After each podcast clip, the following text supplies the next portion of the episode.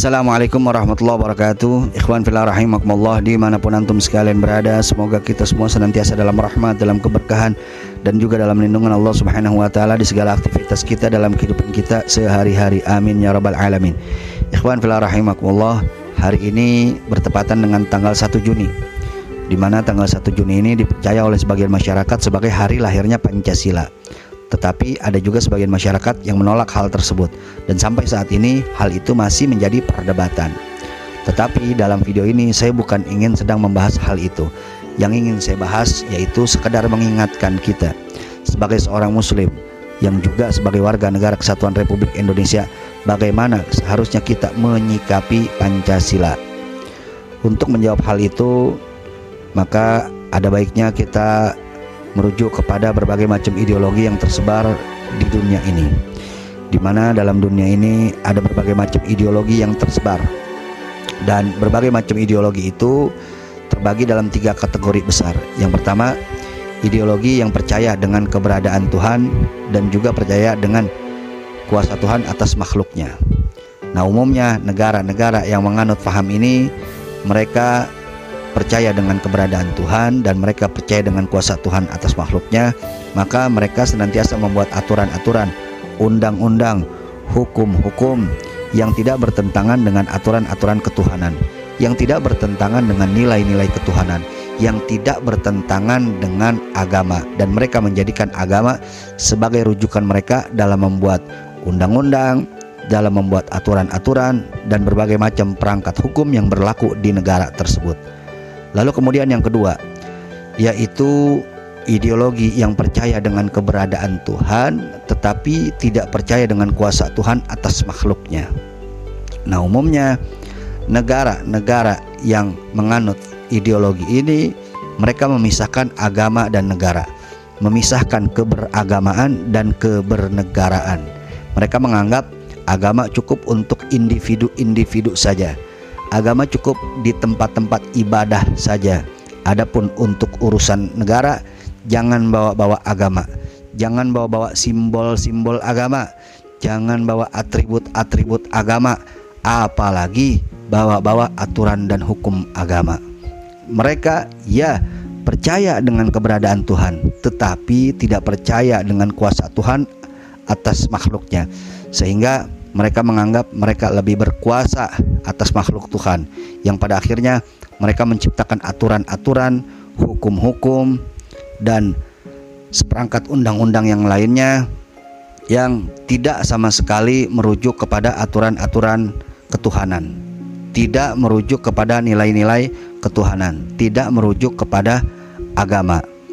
Bahkan sering kali aturan-aturan, hukum-hukum, undang-undang yang mereka buat, yang mereka berlakukan di negara tersebut itu bertentangan dengan aturan, dengan nilai-nilai ketuhanan dan dengan yaitu hukum agama. Nah, negara-negara yang semacam ini umumnya disebut dengan negara liberal. Walaupun di sisi lain mereka masih mengakui adanya Tuhan, masih mengakui eksistensi Tuhan, tetapi kuasa Tuhan atas makhluknya mereka tidak akui. Lalu kemudian yang ketiga yaitu ideologi yang tidak percaya dengan keberadaan Tuhan dan tidak percaya dengan kuasa Tuhan atas makhluknya.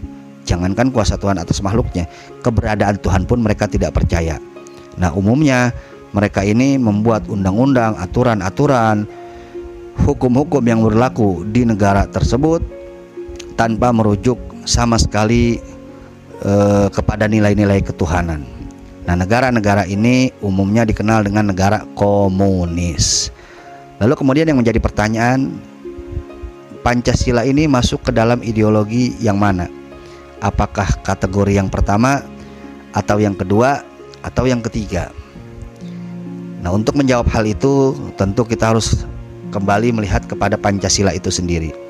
Sebagaimana yang sama kita tahu, di dalam sila pertama jelas tertulis di sana berbunyi ketuhanan yang Maha Esa. Artinya Pancasila mengakui ketuhanan yang Maha Esa. Dengan demikian gugurlah pendapat yang mengatakan bahwa Pancasila tidak mengakui keberadaan Tuhan. Artinya Pancasila ini termasuk kategori ideologi yang percaya dengan eksistensi Tuhan. Terbukti dengan sila pertama yang berbunyi ketuhanan yang Maha Esa. Lalu kemudian pertanyaan selanjutnya, apakah Pancasila ini percaya dengan kuasa Tuhan atas makhluknya? Nah, untuk menjawab hal itu, mari kembali kita lihat Pancasila.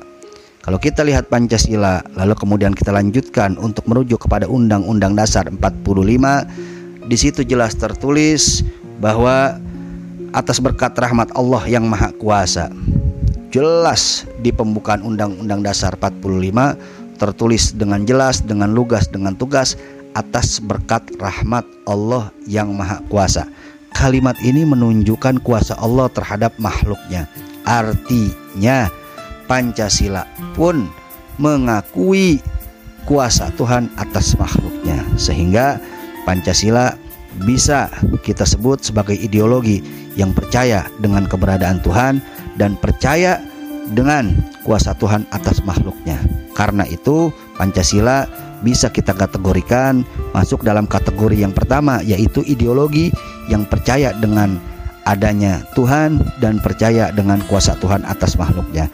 Karena itu bagi mereka yang mengaku sebagai Pancasilais, yang mengaku sebagai pembela Pancasila, penjaga Pancasila, kembalikan Pancasila ini ke rel yang sebenarnya. Pancasila sebuah ideologi yang percaya dengan keberadaan Tuhan dan percaya dengan kuasa Tuhan atas makhluknya.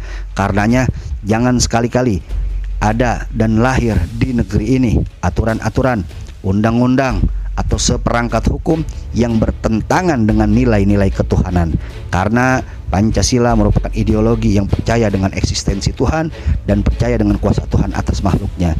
Jadi, jangan sekali-kali membuat aturan-aturan, membuat undang-undang, membuat perangkat hukum yang bertentangan dengan aturan ketuhanan, dengan nilai-nilai ketuhanan, dengan nilai-nilai agama.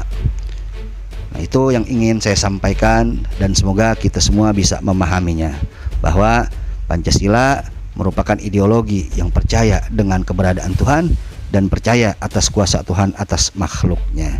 Semoga bermanfaat. Wallahu a'lam bishawab.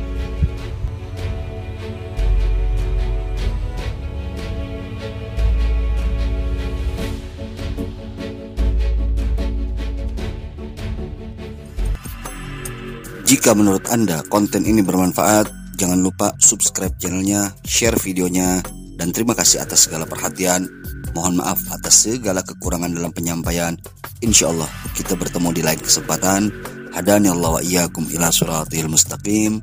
Wal afu minkum. Wassalamualaikum warahmatullahi wabarakatuh.